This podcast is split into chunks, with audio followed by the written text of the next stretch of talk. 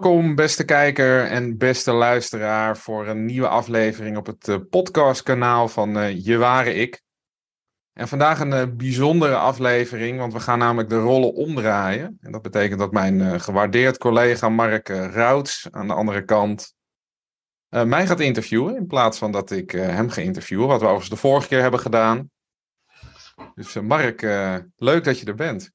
Ja, dank je. Ja, leuk dat je mij uh, deze rol geeft. Dat is ook wat ik je gevraagd heb. Dus uh, ik ga hem nu eens even, zoals je al zegt, de rol omdraaien. Ja. Ja, dus... Ik ben uh, benieuwd. Ik, ja, ik ga hem oppakken, joh. Weet je, want ik, had, ik had het een en ander al voorbereid. En, en toen kwam ook de vraag van, ja, hoe, hoe zie je dat? Nou ja, ik wil wel die lead hebben op het gebied van interview. En dan is het ook heel belangrijk, ja, van dat ik, uh, dat ik wil weten waar, waar, waar gaan we naartoe in, in dit verhaal. Dus uh, je gaf zelf al het voorzetje aan van, eh, ik hoor vaak de verhalen van anderen in de podcast. daar doe ik het voor. Mm. En het wordt maar eens tijd dat ik mijn eigen, mijn eigen missie eens, eens ga vertellen over mijn leven. Dat is ook weer een tijdje geleden. Want een tijdje geleden, hoe lang? Hebben, waar hebben we het over dan? We hebben het over een jaar toen ik bij uh, Patrick Kikker, jou uh, wellicht bekend, uh, in, in de studio ja. zat of bij hem thuis zat en daar mijn verhaal gedaan heb. Maar dat is inderdaad een jaar geleden alweer. Ja, ja. En een jaar is over het algemeen voor jou lang dan om die missie eens, eens voor de bühne te gooien. Ja, dat is ook wel een mooie vraag dan. het is ook niet zo dat ik het daarvoor wekelijks deed. Maar ik voelde die innerlijke behoefte, en dat zei ik ook tegen jou van de week, hè, dat ik echt wel de behoefte voelde om weer te delen van ja, hoe ik uh, naar het leven kijk, hoe ik naar mijn missie kijk, hoe ik naar stress kijk, burn-out, eh, noem het allemaal maar op. En ook omdat er natuurlijk veel verandert. Ja, wat eh, wat ja. een jaar geleden mijn waarheid was, uh, ja, dat, dat is nu weer veranderd. En dat zal volgend jaar zal dat weer anders zijn en dat is ook prima. Uh, maar ja. ik merk dus wel de behoefte van: oké, okay, ja, dit, dit, is, dit zit nu een, een, een, rijker verhaal in mij. En dat, dat verhaal, dat wil ik wel delen, ja. Dat, uh, ja, ja. behoefte voor. En die, uh, dat, een deel van, de, van die nieuwe waarheid, wat is het eerste wat je zo, wat in je opkomt van, nou, dat typeert wel mijn nieuwe waarheid? Ja, dat het leven nog fascinerender is dan dat ik altijd al heb gedacht. en dat is, ja, als ik een hele korte terugblik uh, doe naar de afgelopen tien jaar. Mensen die, die mij misschien nog niet kennen, maar ja, tien jaar geleden begonnen bij mij angst- en paniekklachten op te spelen. En dat is eigenlijk het begin van een reis geworden. Een reis die nou ja, de afgelopen tien jaar is doorgegaan en nog steeds doorgaat tot aan de dag van vandaag. En wat ik het mooie daaraan vind, is dat ik mezelf steeds beter leer kennen, maar ook het leven steeds beter lijkt te leren kennen met alle mooie en minder mooie kanten. En voor mij houdt dat ook wel in dat een soort, ja, een, soort spirituele kant in me een ontwikkeling begint te, vinden. En um, ja, ik moet zeggen, ik voel het verlangen om te vertellen, maar ik vind het ook spannend. Dus dat zeg ik er ook meteen bij. Maar ik ga het wel gewoon doen, want ik vind het belangrijk dat het gebeurt. En ik, ik voel dat het klopt om dat te vertellen. Maar ik merk ook dat ik het spannend vind. Ja, ja. zullen we het verlangens gewoon laten winnen? Ja, ja, ja. dat, dat ja. lijkt me een heel goed idee. En um, ik weet ook wel waarom ik het spannend vind. Hè. Het is natuurlijk een niet alledaags verhaal. En daaraan merk ik ook wel van, oké, okay, wat, wat vindt men ervan? Hè? Word ik daar dan op afgewezen? Vindt, mij dan, vindt men mij dan gek of raar? Of, of Hè, word ik niet meer serieus genomen? Ik merk dat dat soort overtuigingen dan opspelen. En dat zegt natuurlijk ook weer van alles over mij. Ja, dus even ongecensureerd nu even die overtuigingen erin. Is, is dit ook de ongecensureerde versie? Um, van, wat ik, van de overtuigingen die ik heb? Ja, die je net zo benoemt. Wat ja. anderen ervan? Ja. Ja, zo voel ik het ook wel, ja. Ja, ja. Ik vind het, ja. ik vind het spannend om te delen, omdat ik dan het gevoel heb van, nou, dan, dan word ik niet meer serieus genomen. Hè? Dan, dan, kan ik er niet, dan mag ik er niet meer zijn. En dan, ja, dan uh, zijn mensen niet meer geïnteresseerd in mij en of in mijn verhaal. Dus ik merk dat dat, uh, dat, dat wel speelt. Ja, dat mag er niet meer zijn, want ja, dat is natuurlijk, het staat totaal haaks op van wat je zelf wil. Hè? Ja, ja. Ja, dus uh, ja. Maar goed, ik zit, hier, ik zit hier natuurlijk met een, met een reden. Hè? Dus, ja, juist. Dus, oh, ik ja. zit hier niet om het niet te vertellen. Exact. Ja, goed, de spanning zijn we misschien zo samen al op het uh, voeren voor de luisteraar, voor de kijker. Dus uh, ja, voel je vooral geroepen om hem erin te gooien. Ja, Ja, dat ga ik ook zeker doen. En ehm, ik ben namelijk in aanraking gekomen met regressietherapie. Ik weet niet uh, of jou dat iets zegt, Mark. Nee, nee. Ja, dat is eigenlijk een vorm van therapie, of ze noemen het ook een vorm van hypnose, waarin je dus eigenlijk in een hele diepe ontspanning gebracht wordt. En waarbij je vervolgens teruggaat in uh, je eigen leven. Dat kan zijn dit leven, of dat kan zijn een vorig leven. Of dat kan zijn bepaalde trauma's die zich in je familiaire lijn hebben afgespeeld. En denk bijvoorbeeld aan, aan je vader of aan je opa. Of, uh, ja. En om het even heel concreet te maken, in, in mijn geval. Um, hey, ik heb een, een, Duitse achternaam, zoals sommigen wellicht weten. En um, dus ja, van Duitse kom af. Mijn opa die uh, moest in de Tweede Wereldoorlog dienen in het, in het Duitse leger. En het is altijd een beetje een, een mysterie geweest wat daar gebeurd is. Okay. wat in ieder geval wel duidelijk was, was toen hij terugkwam uh, ja, dat, dat hij een zware tijd had meegemaakt. Maar hij praatte daar zelf niet veel over. Er zijn weinig verhalen over bekend. Ja, en de verhalen dat... die erover bekend waren, dat zijn dan verhalen. Uh, ja, dat zijn verhalen die, uh, die, die goed waren voor jou om te geloven of zo. Of... Nou, verhalen die vooral vragen opriepen. Oké. Okay. Ja, maar goed, hij is al, uh, ik zeg uit mijn hoofd, 23 jaar dood. En eh, ja, toen ik jong was, toen ik wel eens bij hem kwam, ja, toen speelde dat nog niet zo in me. Uh, maar ik merkte altijd dat dat een soort interesse had en dat ik ja, voelde van er is iets met mijn opa. En ik merkte natuurlijk ook aan mijn vader, uh, dat mijn vader echt wel een hele moeilijke jeugd heeft gehad, omdat hij natuurlijk te maken had met een vader die, die ja, toch getraumatiseerd eigenlijk is teruggekomen hè, uit, uh, uit die Tweede Wereldoorlog. Dus ik heb ook weer natuurlijk dingen aan mijn vader gemerkt. En ook hoe mijn vader met mij om, om is gegaan en omgaat. Dat heeft natuurlijk ook deels zijn, zijn ja, kern daar, hè, zijn oorzaak daar. Dus ik heb altijd gevoeld van de, de, daar is wat mee en dat wil ik uitzoeken. En dat ben je, is zo'n regressietherapie, dan ben je dan op, uh, op zielsniveau bezig? Ja, zo zou je het eigenlijk kunnen zeggen. Ja, ja. dus wat je eigenlijk ja. doet. Hè, je, ja, je jij leeft een bepaalde ziel door. Ja, of daar maak je verbinding mee, zo zou je het kunnen ja. zeggen. Ja. ja. Ja, en ik kan wel even uitleggen hoe dat in dit geval dan specifiek ging en wat ik daarbij ervaarde. Dan heeft de luisteraar en de kijker er misschien ook een beetje een beeld bij en een gevoel bij. Want wat je dus doet onder begeleiding van zo'n regressietherapeut, eh, word je in een soort hele diepe ontspanning gebracht. Een, soort, een soort meditatie kan je het eigenlijk mee vergelijken. En um, daarvoor had het al even gehad over van, nou ja, hè, hoe, hoe zijn je familielijnen en, en je relatie met je vader, met je moeder, met je opa, met je oma, noem maar, maar op. En toen werd dus al duidelijk van oké, er is wat met mijn opa.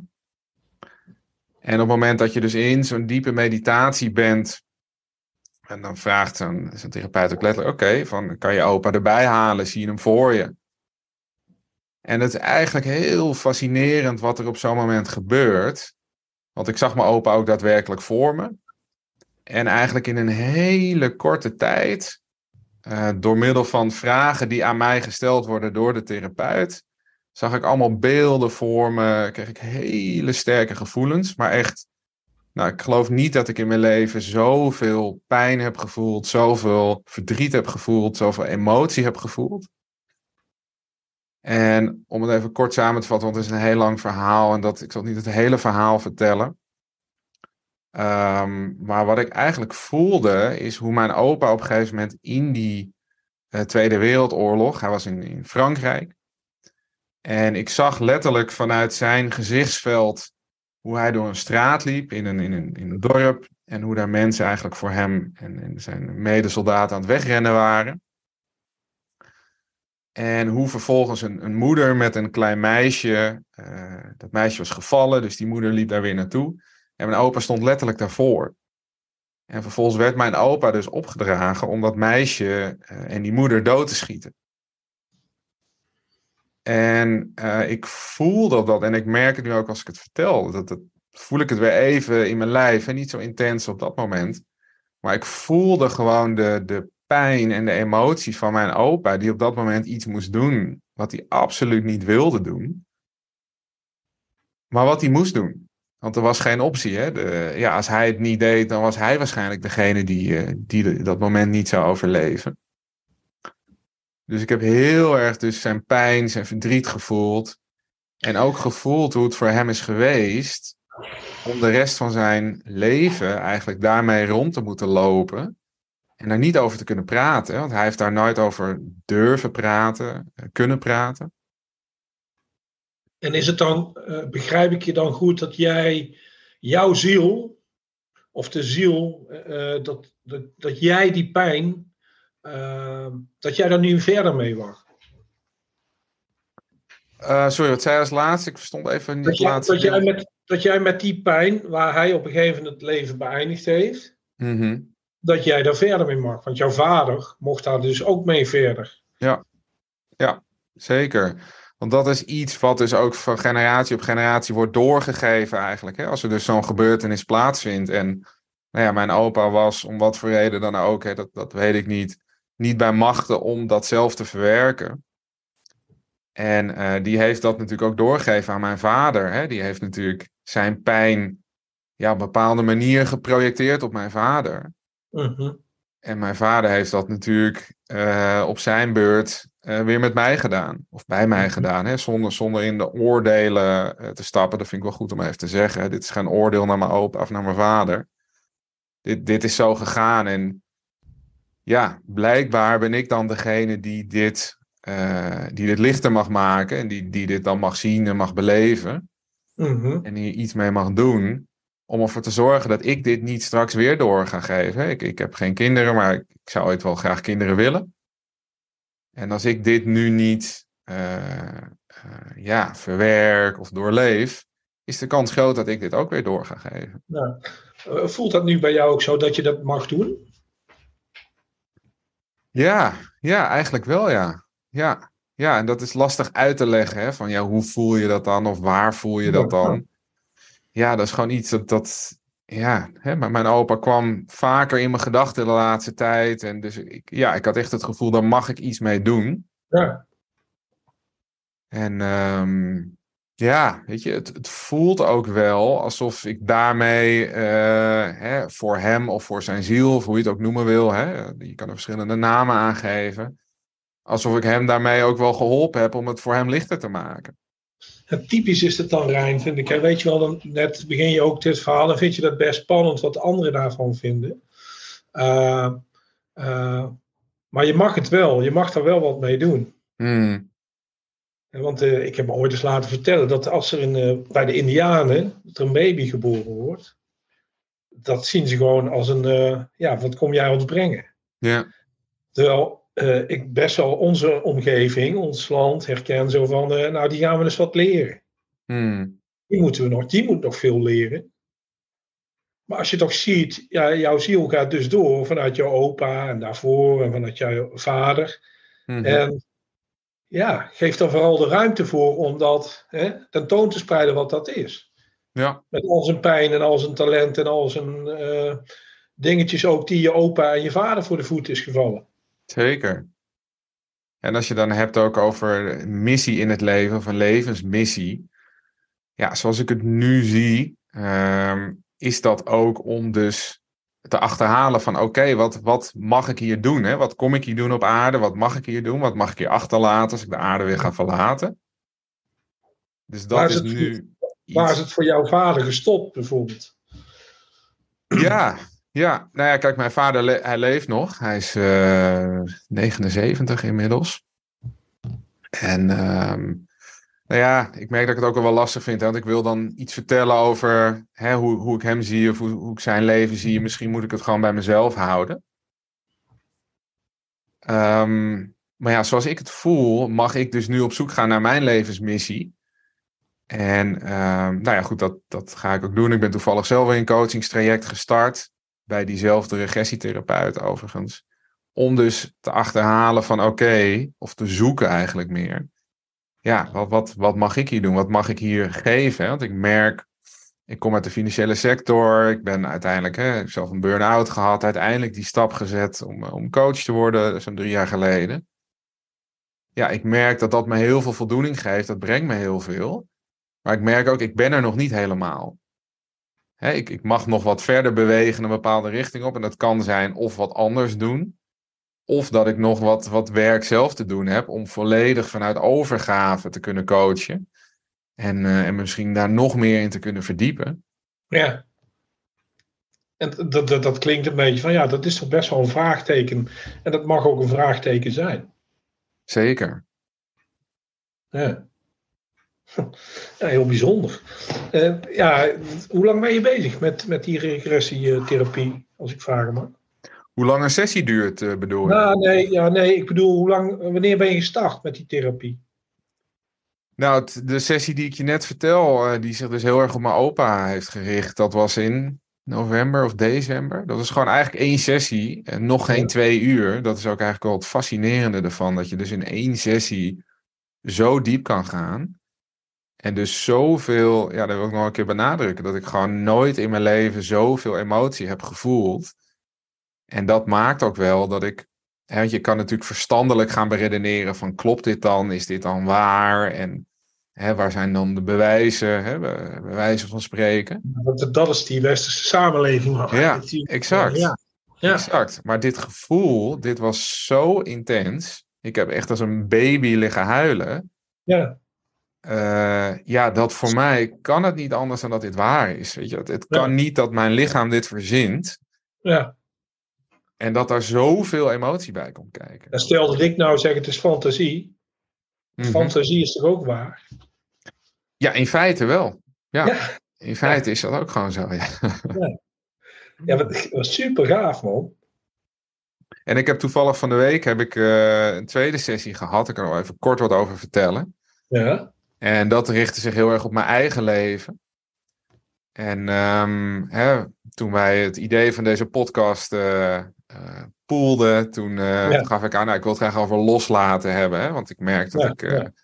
in, de, in de relatie, die, ja, dat ik daarin dingen los te laten heb. En dat ik nu in het loslaatproces zit. En dat ik dat heel uitdagend vind, dat ik daar graag wat over wil delen. Dus dat was ook echt de insteek van de sessie die ik afgelopen week had bij die regressietherapeut. En wat er toen gebeurde was weer even fascinerend. En toen ben ik dus uh, teruggegaan naar de tijd in, in de baarmoeder bij mijn moeder. En toen op een gegeven moment vroeg hij van ja, ben je daar alleen? En die vraag alleen al, dat maakte zoveel in me los. Dat was echt, uh, ik, nou ja, ik heb letterlijk weer als een baby op de grond liggen huilen. En ik dus heel sterk voelde van oké, ik was daar niet alleen. Ik was daar met, met nog een, een, in dit geval een tweelingzusje. En uh, ja, die is op een gegeven moment, uh, die heeft het niet gered, zeg maar. Hè? Die, die, die, die is ver voor de bevalling ja, overleden, als je dat zo kan noemen. Hè? In, -huh. Als dat nog in de buik is. Was dat, was, het, was dat bekend bij jou al? Nee, nee, nee, nee. Dat was, dat was niet bij mij bekend. Nee. En uh, ja, dus weer heel sterk die emotie gevoeld. En ook heel sterk de emotie van verlies. Hè? Dat is het letterlijk loslaten. Als je natuurlijk samen daar bent en een van de twee ja, uh, verdwijnt, hè, overlijdt. Um, ja, dat heeft heel veel met me gedaan, kwam ik dus achter. En daarmee kon ik ook heel erg de link leggen naar hoe ik nu in relaties met mensen ben.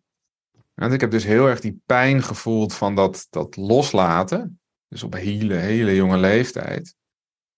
En waardoor ik nu ja, dat ontzettend lastig vind. Want ik wil eigenlijk niet meer die pijn ervaren. Ik wil niet meer die pijn ervaren van dat loslaten. En als ik nu terugblik op mijn leven. Ja, ik was ook altijd verschrikkelijk slecht in afscheid nemen. Weet je, als iemand uh, bijvoorbeeld uit mijn leven verdween, dan uh, gaf ik diegene bij wijze van spreken het liefst een trap na en uh, nou, ik hoef je nooit meer te zien. Want ik wilde gewoon die stap van afscheid nemen, die wilde ik eigenlijk overslaan. Ja. Die, die, ik weet niet of je de levenscirkel kent. Ik kan me even ja. niet herinneren ja. van wie die precies is. maar dan heb je verschillende fases van hey, je ontmoet elkaar. Nou, op een gegeven moment Ga je hechten aan elkaar, dan ontstaat er betekenis. Nou, op een gegeven moment ga je weer afscheid nemen, rouw. En de laatste stap is weer dat je betekenis kan geven aan de relatie die er geweest is. Ja. En ik sloeg het liefst die stap van rouw, sloeg ik het liefst over. En ik begon het liefst meteen weer aan iets nieuws. Ja, dan hoefde ik daar niet bij stil te staan. En ik merkte, uh, hè, dus ook in, in, in de relatie met mijn uh, ja, vriendin, ex-vriendin, uh, het, is, het is nog steeds in een soort van tussenfase, dus het is lastig om daar een, een stickertje op te plakken. maar merkte ik ook dat ik dat loslaten ontzettend lastig vond. En ja, dat we steeds weer elkaar opzochten. Hè, dat we, ondanks dat we ergens wel voelden van, nou, we moeten elkaar ruimte geven, toch elkaar weer op gingen zoeken. Toch elkaar niet los kunnen laten. En ja, het heeft zit het dan, dat zat dan ook bij haar, als, als jij zegt van elkaar niet los kunnen laten? Ja, ja ik, ik geloof dat er ook een, een deel bij haar zit, zeker. Um, ja, wat dat voor haar is, kan ik moeilijk, uh, moeilijk invullen. Ik ja, kan nee, vooral nu, nu ervaren. Ja, van, ja, is wat ik in ieder geval zelf, uh, ja, wat er in ieder geval voor mijzelf aan ten grondslag uh, lag of licht. En ja, weet je, er vallen in één keer zoveel uh, kwartjes vallen er. Ik denk van ja, tuurlijk. Weet je, als je natuurlijk op zo'n manier uh, iemand die, waar je letterlijk natuurlijk als, als ongeboren kind elke dag heel nabij mee bent, als dat wegvalt, ja, dat dat, dat dat heel veel met je doet. En dat je dan vervolgens in je leven daar heel veel moeite mee hebt. En ja, ook nu, ik zeg het nog maar een keer, de emotie die ik daarbij voelde, dat echt, het ging door merg en been gewoon. Dat, uh, ja, het is gewoon onbeschrijfelijk. En dan, dan vraag ik me nu soms ook wel eens af, hè, van, we zijn allebei coach, we zijn met waanzinnig goede intenties natuurlijk uh, bezig met mensen, maken daarin uh, samen met mensen hele mooie stappen. Maar er is nog een deel in ieder geval wat, wat nog onvoldoende in mijn beleving, door mijn recente ervaringen, uh, onbelicht blijft. Hè? Wat ook heel erg bepaalt hoe iemand in het leven staat. dat geloof ik ook. En wat ik, waar ik ook eerlijk over ben, ook niet kan raken. Laat staan dat ik het bij mezelf kan raken, wat jij zegt. Hmm. En we worden natuurlijk overspoeld met uh, een soort bodybuilding aan wetenschappelijkheid. Hè? De wetenschap en noem het maar allemaal op. En het creëert zoveel systemen en zoveel ratio, wat zo ver wegdrijft van, van die ziel. Ja, uh, ik, uh, ja, goed. Voor mij is het al heel duidelijk geworden, niet alleen in dit gesprek, maar ook voor mezelf, dat, uh, dat, ik, een, dat ik in ieder geval een ziel doorleef. Hmm. Alles erop en eraan. En nou ja, luister, in, in de, dit gesprek levert voor mij ook al op dat ik ook weer heel nieuwsgierig ga worden wat, voor wat betreft mijzelf daarin. Dus, uh, maar het is net hoe ver uh, stelt, stel jij je daarvoor open. Hè? Want dit biedt, want je hebt het over jouw missie. Uh, dit, dit biedt perspectieven voor jouw missie. Zeker, ja. Ja, dus ja dit, dit, biedt, dit, biedt, een heleboel ingang. En ik, uh, ja, weet je, dit heeft zoveel letterlijk deuren voor me geopend. Deuren waarvan ik eerst het bestaan nog niet eens wist, hè, bij wijze van spreken. Uh, ja, dat ik me zeker hier eh, meer in wil gaan verdiepen. En wat dit ook weer kan betekenen voor mensen. Hè? Voor mezelf, voor andere mensen. Wat uh, mag ik vragen? En ja, weet je, geef zelf maar de grens aan. bijvoorbeeld dat zusje van je. Is dat, wat voor deur heeft dat geopend voor je nu? Um, ja, wat voor deur heeft dat geopend? Kijk, het is nog heel vers. Hè? Het is twee dagen geleden. Uh, dat ik daar ben geweest. Dus ik merk ook echt dat het nog aan het, uh, aan het zakken is in mijn, in mijn lijf, zeg maar. Wat ik, wat ik allemaal ervaren heb. Heb je het al gedeeld? Met, met, met ja, ik heb met, met mijn moeder heb ik het gedeeld. Ja. Uh, nou, die heeft eigenlijk ademloos naar me zitten luisteren. En ehm, want ja, het, betreft natuurlijk haar ook eigenlijk. Hè? Het, het, ja. ja het, heeft zich in haar plaatsgevonden, hè? om het zo maar even te... Wist zij het? Nee, nee. Nee. Goh. Ja. Uh, ja, welke deur heeft dat voor me geopend? Ja, vooral de, de nieuwsgierigheidsdeur naar, naar wat er allemaal nog meer is in het leven. Hè? De, de, de magie van het leven. En hoe, hoe, de, hoe de wereld, hoe de mensheid, hoe het allemaal werkt. Ja, het, is, het is fascinerend als je dit soort dingen ervaart. En ik heb zelf ook wel wat ervaring met, uh, met plantmedicijnen. Ik weet niet of jij daarmee bekend bent. Nee, nee, Met, uh, nou, bijvoorbeeld ayahuasca of paddenstoelen. Uh, hè, waarin je ook een, een ja, vrij diepe spirituele ervaring kan hebben. Uh, en die je ook de magie van het leven laat zien. Hè? Bijvoorbeeld de verbondenheid tussen alles. De verbondenheid tussen mensen, de verbondenheid tussen mensen en de natuur. Uh, eigenlijk de verbondenheid tussen alles. Alles resoneert met elkaar, alles is energie. En uh, ja, dus het heeft mijn nieuwsgierigheid vooral weer enorm aangewakkerd. En ik zat toevallig in de auto daar naartoe afgelopen woensdag een, een podcast te luisteren van Pim van Lommel. Ik weet niet of jij hem toevallig kent. Hij is, uh, nee, niks. hij is vrij bekend geworden. Hij is inmiddels al op leeftijd. Hij heeft een aantal uh, boeken geschreven en ook baanbrekend wetenschappelijk onderzoek gedaan naar bijna doodervaringen. Ja, dat is ook iets wat natuurlijk ja, heel lang een beetje in de hoek geschoven werd van nou ja, dat bestaat niet, niet te bewijzen, noem maar op. Uh, maar hij heeft een tien jaar durend onderzoek gedaan, wat niet gefinancierd werd, hè, want ja, de, de traditionele wetenschap was daar niet in geïnteresseerd. Heeft tien jaar lang onderzoek gedaan en dus uiteindelijk bewezen dat daadwerkelijk uh, die bijna doodervaringen bestaan en wat er ook uh, fysiologisch gezien in je lichaam gebeurt.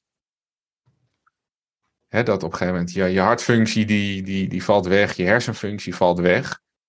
En wat, wat er dan overblijft, als die functies wegvallen, is een, een staat van bewustzijn. Waarin je dus dingen heel scherp waar kan nemen. Waarbij mensen bijvoorbeeld hun eigen reanimatie waar kunnen nemen, hè, van bovenaf. En hij vertelde ook een fascinerend verhaal, zal ik even kort delen. Over iemand die werd, uh, werd binnengebracht. Die was geloof ik al een half uur, was er geen hartslag meer. Nou, uiteindelijk hebben ze die toch nog aan de praat weten te krijgen. En uh, op het moment dat er dus geen hartslag was, hebben ze zijn kunstgebit hebben ze uitge, uitgenomen. Ja. En uiteindelijk, toen die man bijkwam, toen wist hij haar fijn te vertellen wie uh, zijn kunstgebit waar had neergelegd. Ja, ja. En dat, dat die artsen hem aan... Ja, sorry. En dat die artsen hem aan zaten te kijken van, nou, hoe kan deze man dit weten? Hè? Dat, uh, ja. ja, dat, soort, dat soort dingen, eh, dat, dat triggert bij mij die nieuwsgierigheid naar de magie van het leven. En wat er allemaal nog meer te ontdekken en te onderzoeken en te ervaren en te voelen valt. Ja, want je zegt net van die staat van bewustzijn. Hè? Het lijkt net zo of dat dat dan nog Je zegt ook letterlijk dat wordt dan scherper. Hmm ik zie dat zo, dat zou zomaar eens in je normale dagelijkse leven, dat als, als je hartfunctie het gewoon allemaal doet en, je hersenen het doen, en, uh, het, het, leven loopt lekker, zal het zo maar zeggen, dat is je onderbewuste deel. Ja. Dat dan in één keer heel bewust wordt. Ja. En als jij net zegt, wij, wij coachen veelal op, op hetzelfde, hè, qua zintuigen, buiten, uh, in dat lijf, dan, dan ben ik ook heel vaak mensen bewust het maken van hun onderbewustzijn. Ja. Om dat gewoon veel meer aandacht te geven om in hun lijf te komen. En minder in dat hoofd, minder in die ratio. Ja. En dat is, ja, dat is, dat is, en die, daar zit ook je verwondering, daar zit je nieuwsgierigheid. Dus Hmm. hoe gaaf is dat, hè, nu in dit geval voor jou of voor mij of de luisteraar die nu luistert, van dat je denkt van, dat je weet, dat je voelt dat er nog meer is om te ontdekken. Ja. Precies dat. Precies dat, hè? En ze zeggen wel eens, ik weet het exacte percentage niet meer, maar ik dacht 90 of 95 procent van ons doen en laten wordt door het onderbewustzijn aangestuurd. Hè? Ja. Dat ons bewustzijn, Ja. althans ons, onze geest of het, uh, het, het, sterfelijke denken, zoals ze dat wel eens noemen, ja, eigenlijk maar een heel klein deel van de dingen. En, uh, en dan hollen we vaak met z'n allen maar achteraan. Dat Precies, ja, exact. Gekke weer. Op het moment dat je dat. Kijk, het feit is ook dat je vertrouwt op je onderbewustzijn. Dan kun je volgens mij ook waar we aanvankelijk over wilden uh, praten. Dan is loslaten ook veel simpeler. Omdat ja. je perspectief hebt dat er nog zoveel ja, verrassend kan komen. Ja. Ja, ik heb hier ook opgeschreven, dat ik al een tijdje teruggemaakt, deze aantekeningen, van ja, wat is loslaten nou eigenlijk? En het enige wat ik eigenlijk kon bedenken waren synoniemen hè, van uh, overgave, uh, acceptatie, vertrouwen. Dat is allemaal ratio. Ja. Toch? Precies, als ik dus ga bedenken, van ja, wat, ja, wat is het? Ik heb heel vaak, ook bij mezelf, ook coaches, en dat is het moeilijkste wat er is, loslaten. Ja. Ja, omdat we het niet kunnen bedenken wat het is. Dus we, ja ja, wat pak je vast? Ja. Iets wat onbekend is. Precies, waarvan dus je niet ja, weet wat er komen gaat. Ja dat, ja, dat is heel moeilijk. Maar ja, dit, weet je, wat ik nu vast heb gepakt, ja, dat is morgen weer ja, zit, is het al in mijn bewustzijn. Ja. Dus het, dan sla ik het weer op. Dus het is wel heel goed dat je steeds van die nieuwsgierige deurtjes hebt. En eh, dat je dit soort dingen dus bent gaan doen. Ja, weet je, en dat, dat is voor mij ook de, hè, als je het hebt over wat is de winst van, van stress, van burn-out, van hè, waarschijnlijk veel meer eh, depressie, angst, noem het allemaal op, is dat je geforceerd wordt om te gaan zoeken. En je wordt eh, geforceerd om eh, naar jezelf te gaan kijken, om naar de wereld te gaan kijken. Om te, te zoeken van wat past nog bij mij, wat wil ik eigenlijk, wat kom ik hier doen, waar word ik gelukkig van. En ja, ik geloof er ook oprecht in dat het een functie heeft. Hè? Dat het een functie heeft om burn-out te raken. Je bent zo ver van je levenspad afgedwaald. Dat het leven je gewoon wakker wil schudden. Van Ja, ja. eh, Rijn of Mark, op man, ga, ga kijken. Wat ben je nou aan het doen? Ja. En dat voornamelijk vanuit jezelf. Weet je wel, op het moment dat dan een teamleider of wat dan ook nog dat forceren stimuleert, Hmm, dat werkt averechts. hmm, Want voordat ik het weet, ben ik hem weer een pleasen. Ja. en, en, dan, eh, en dat gebeurt al vaak zonder dat de ander het bewust van is. Dat hij zegt van ja, ja, maar ik ken je toch als een gedreven Mark of een gedreven Rijn. hmm. Ja, hup, voordat je het in de gaten eh, eh, hebt, zeker in zo'n, zo'n, in zo'n hoe moet ik zeggen, zo'n periode van burn-out zijn, ja, als je dat hoort, ben je weer geneigd om te gaan pleasen. Ja. Terwijl echt, echt juist eens even heel goed de zaak is van wat gebeurt er aan de binnenkant nu allemaal. Ja. En schrijf het maar op, of eh, ja. Jee, man. Ja, ik geloof ook wel. Hè, is- iemand zei ik ooit tegen me: ja, het universum is steentjes naar me aan het gooien. En die steentjes worden steeds groter. En eh, nou ja, hè, het begint vaak met kleine klachten en hè, vermoeider of wat kortaf. Nou ja, en ja, het, het, het eindpunt eh, in een burn-out is dan eh, letterlijk je bed niet meer uit kunnen komen en eh, niks meer kunnen bewegen, bij wijze van spreken. Hè, dus het, het is ook net wanneer je natuurlijk zelf je bewust bent van hé, hey, die, die steentjes worden groter en groter. En ik weet niet of jij dat ook herkent bij jezelf, maar als je dan één keer in zo'n situatie hebt gezeten. Natuurlijk, in mijn leven ervaar ik ook alweer dat de steentjes naar me gegooid worden. Maar ik heb het wel steeds eerder door. Ja, Dus ik ben steeds kleinere steentjes aan het opvangen. En oh ja, dat is een steentje. Even opletten, Rijn. Wat, eh, Ja. wat heb je nu te doen? Wat, wat, wat, is er aan, wat gebeurt er nu eigenlijk in je leven? Wat heb- Waar ben je mee bezig? inderdaad, Wat heb je, als ik mezelf toespreek, wat heb je te doen? Wat heb ik te doen? Ja, Want daar zit het in. En als je dan ook nog een cadeau krijgt, hè, als jij beslist om zo'n therapie te gaan doen en je krijgt zo'n cadeau op zielsniveau, ja, waar je ratio ook echt even uitgeschakeld wordt, want die heeft daar Ja. natuurlijk ook weer, die ratio die zit vooral in die overtuiging. En zoals je dit gesprek ook bijvoorbeeld begint, ben je meer zorgen maken wat iemand anders daarvan vindt. Dat vind jij spannend. ja. ja dat klopt. En Ja. het mooie is wel, Mark, dat ik op een gegeven moment, hè, in het begin wel even wat weifeling, maar op het moment dat ik één keer in dat verhaal zit, dan stroomt het ook gewoon. Hè? Dan is het Ja. bijna alsof het gewoon automatisch komt. En ja, dan hoef ik ook helemaal niet meer over na te denken. Nee. Maar ja, die, die drempel zit er wel, die oude overtuiging van ja, hè, men vindt hier wat van. En eh, ja, als ik vooral ook kijk naar mijn oude omgeving, hè, waar, ik, waar ik me vroeger mee omgaf, ja, die zullen je ongetwijfeld iets van vinden. Eh, ja, nou ja, weet je, so be it. En eh, dit, dit is wel wat voor mij klopt, wat voor mij goed voelt. En ja, weet je, ik geloof er ook in dat dit weer mensen aantrekt die echt bij mij passen, zeg maar. Hè? Ja, natuurlijk.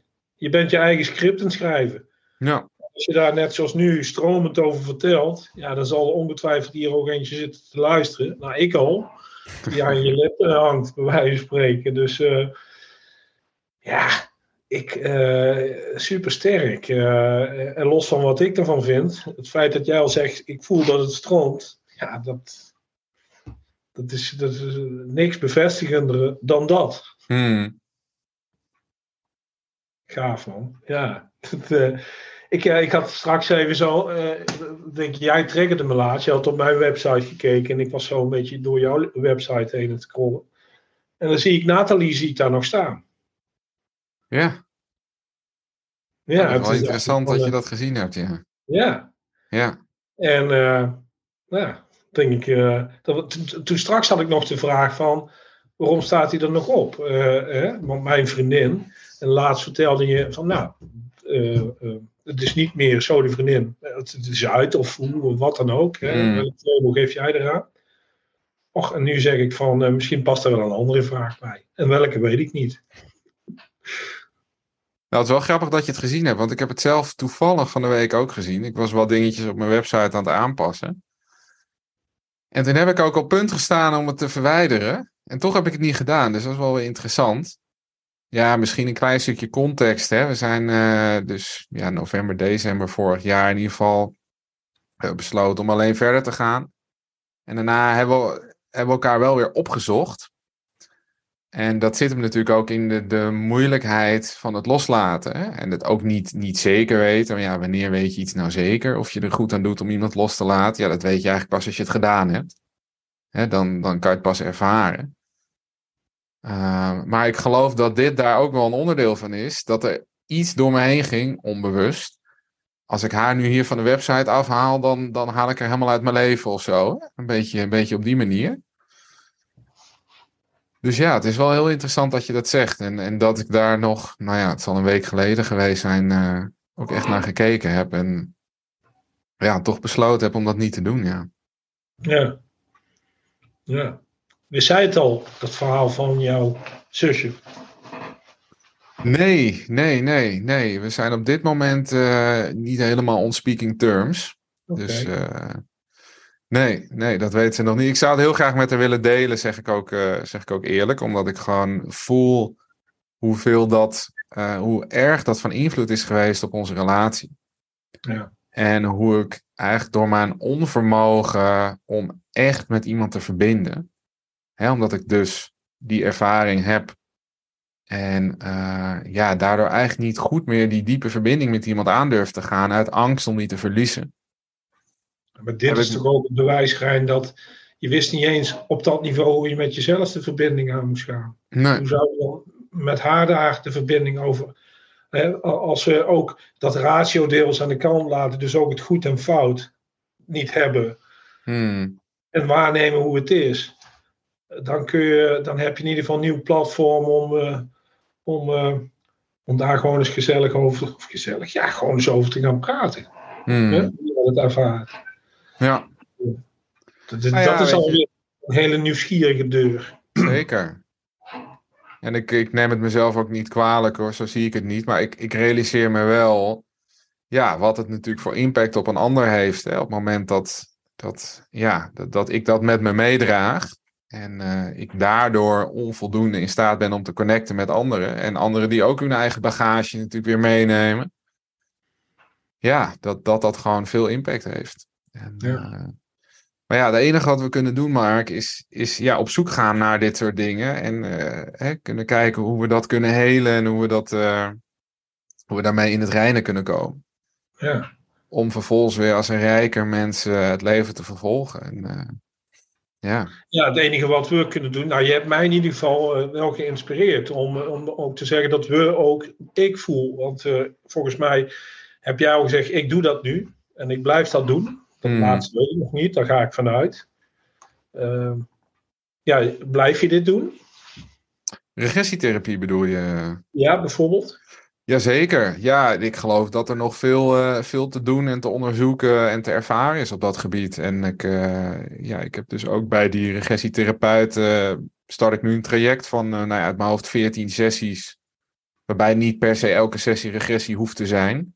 Het is echt heel erg gericht op het ontdekken van mijn missie, mijn zielsmissie. Hè? Wat heb ik hier te doen? Wat heb ik hier achter te laten op aarde? Uh, dus daar zal ongetwijfeld ook nog regressie in, uh, in terugkomen. En uh, ja, waarom ook niet? Weet je, ik heb nu ervaren hoe ontzettend waardevol dat is en hoe ja, waanzinnige ervaring het ook is. Dus ja, ik zou het alleen maar iedereen aanraden. En als mensen zoiets hebben van, joh, begrijp het nog niet helemaal of ik ben wel geïnteresseerd geraakt, maar ja, ik ben nog op zoek naar meer, dan kan ik zeker Maarten Overs hier aanraden. Volgens mij een van de bekendste regressietherapeuten in Nederland. Die een aantal uh, hele mooie podcasts ook heeft, uh, heeft opgenomen over dit onderwerp. En ja, als je naar de man luistert, dan voel ik in elke vezel van mijn lichaam dat, dat het klopt, hè, of dat het resoneert in ieder geval wat hij zegt. Ja. Ja, dus ik kan iedereen alleen maar aanraden, uh, ja, ga dat, ga dat luisteren, ga dat, uh, ga dat ervaren. En ik merk dat ik ook nog wel één ding aan toe wil voegen, hè, want wat ik even tussendoor zei, van ik vraag me dan wel eens af, hè, wij zijn met ontzettend goede intenties natuurlijk mensen aan het coachen met stress- en burn-out klachten. Uh, dit, dit deel is voor ons nog redelijk onontgonnen. Um, maar ik geloof ook wel dat er een bepaalde basis mag zijn om dit überhaupt te kunnen ervaren. Iemand die nog nooit, never niks aan persoonlijke ontwikkeling gedaan heeft, uh, diep in een burn-out zit, of, of het dan verstandig is om dat te gaan doen, betwijfel ik. Hè? Ik kan het niet goed beoordelen, maar wat ik wel voel, is dat hè, wij misschien de basis leggen waardoor iemand uiteindelijk hè, op een steeds diepere laag zichzelf kan onderzoeken. Ja, maar, ja, daar sluit ik me bij aan. Want dat zie ik zelf ook. Hè? Als ik uh, straks al zei van je bent eerst het contact echt bewust het maken met je onderbewustzijn via je zintuigen. Hmm. Uh, al die ratio, die, die, die beperk ik, of daar help ik mensen mee om die te beperken. We halen drukte vanaf en van daaruit weer uh, uiteindelijk naar de beste versie van jezelf te gaan. Maar dat, datgene wat jij vertelt, uh, dat zit dan de beste versie van jezelf, dat zit vooral daaronder. Hmm. En, uh, ik denk ook, voor mij is het ook een missie, dat ik uh, mensen vooral tijdens een traject geïnteresseerd maak en blijf houden in hunzelf. Ja. Het stopt nooit met jezelf te leren kennen. En zoals jij dit gesprek ook begint, het wordt weer eens tijd dat ik over mezelf ga vertellen. Nou, je bent al met jezelf heel erg uh, bezig geweest de laatste uh, weken, maanden. En nu ga je het vertellen. Dus weet je, daar gaat weer een schil van zogenaamde ratio-schaamte vanaf. Hmm. Want dat is vaak toch waar, we, waar jij, ik, de mensen in onze samenleving zich in geconditioneerd hebben. Om het maar vooral te kunnen verantwoorden of te overtuigen naar anderen. Stop met overtuigen. Ga lekker met jezelf aan de slag. En uh, ja, wat het dan ook mogen zijn. En hou het ook bij jezelf. En je merkt zelf wel, als iemand uh, tot in zijn vezels geïnteresseerd is, van, nou ja, dan kun je daar ook een gesprek over hebben. Hmm. Dan ga lekker met je eigen, met je eigen, ja, in dit geval met je ziel door. Ja, heel mooi gezegd, Mark. En uh, ja, dat is natuurlijk waar we heel veel aandacht aan besteden. Hè? Mensen die vaak heel erg gericht zijn op de buitenwereld, hè? anderen behagen, plezieren, pleasen, verantwoordelijkheid voor anderen nemen. Hè, dat, dat die letterlijk teruggaan naar zichzelf. En weer ja. bij zichzelf thuiskomen. En exact. ja, weer oké okay kunnen zijn met hun eigen gevoelens. En die niet hoeven ja. weg te drukken of te onderdrukken. En ja, van daaruit ontstaat die groei. Hè? En die, die groei die kan je zo ver of diep, uh, diep laten gaan als dat je zelf wil. En uh, of wat voor jou past. Ja, zonder meer. Ja, wat voor jou past. Hè? Ik heb de vorige keer meen ik tegen jou ook gehad over jassen. Uiteindelijk, je begint ja. met je ik-jas. Als het al een jas zou zijn, en dat is wellicht ook die ziel, hè, het zijn. En dan kun je ook veel beter zeggen welke jas past nog bij mij. Hè, en welk werk hè, past bij mij, of welke relatie. En daar heb jij natuurlijk uh, uh, ja, sleutelwoorden bij. Hmm. Maar uh, het is heel belangrijk namelijk dat als ik vanuit een werkjas, dan kan ik vaak ook, uh, dan hoef ik niet altijd op, uh, over mijn ik te praten. Het zit er natuurlijk wel in.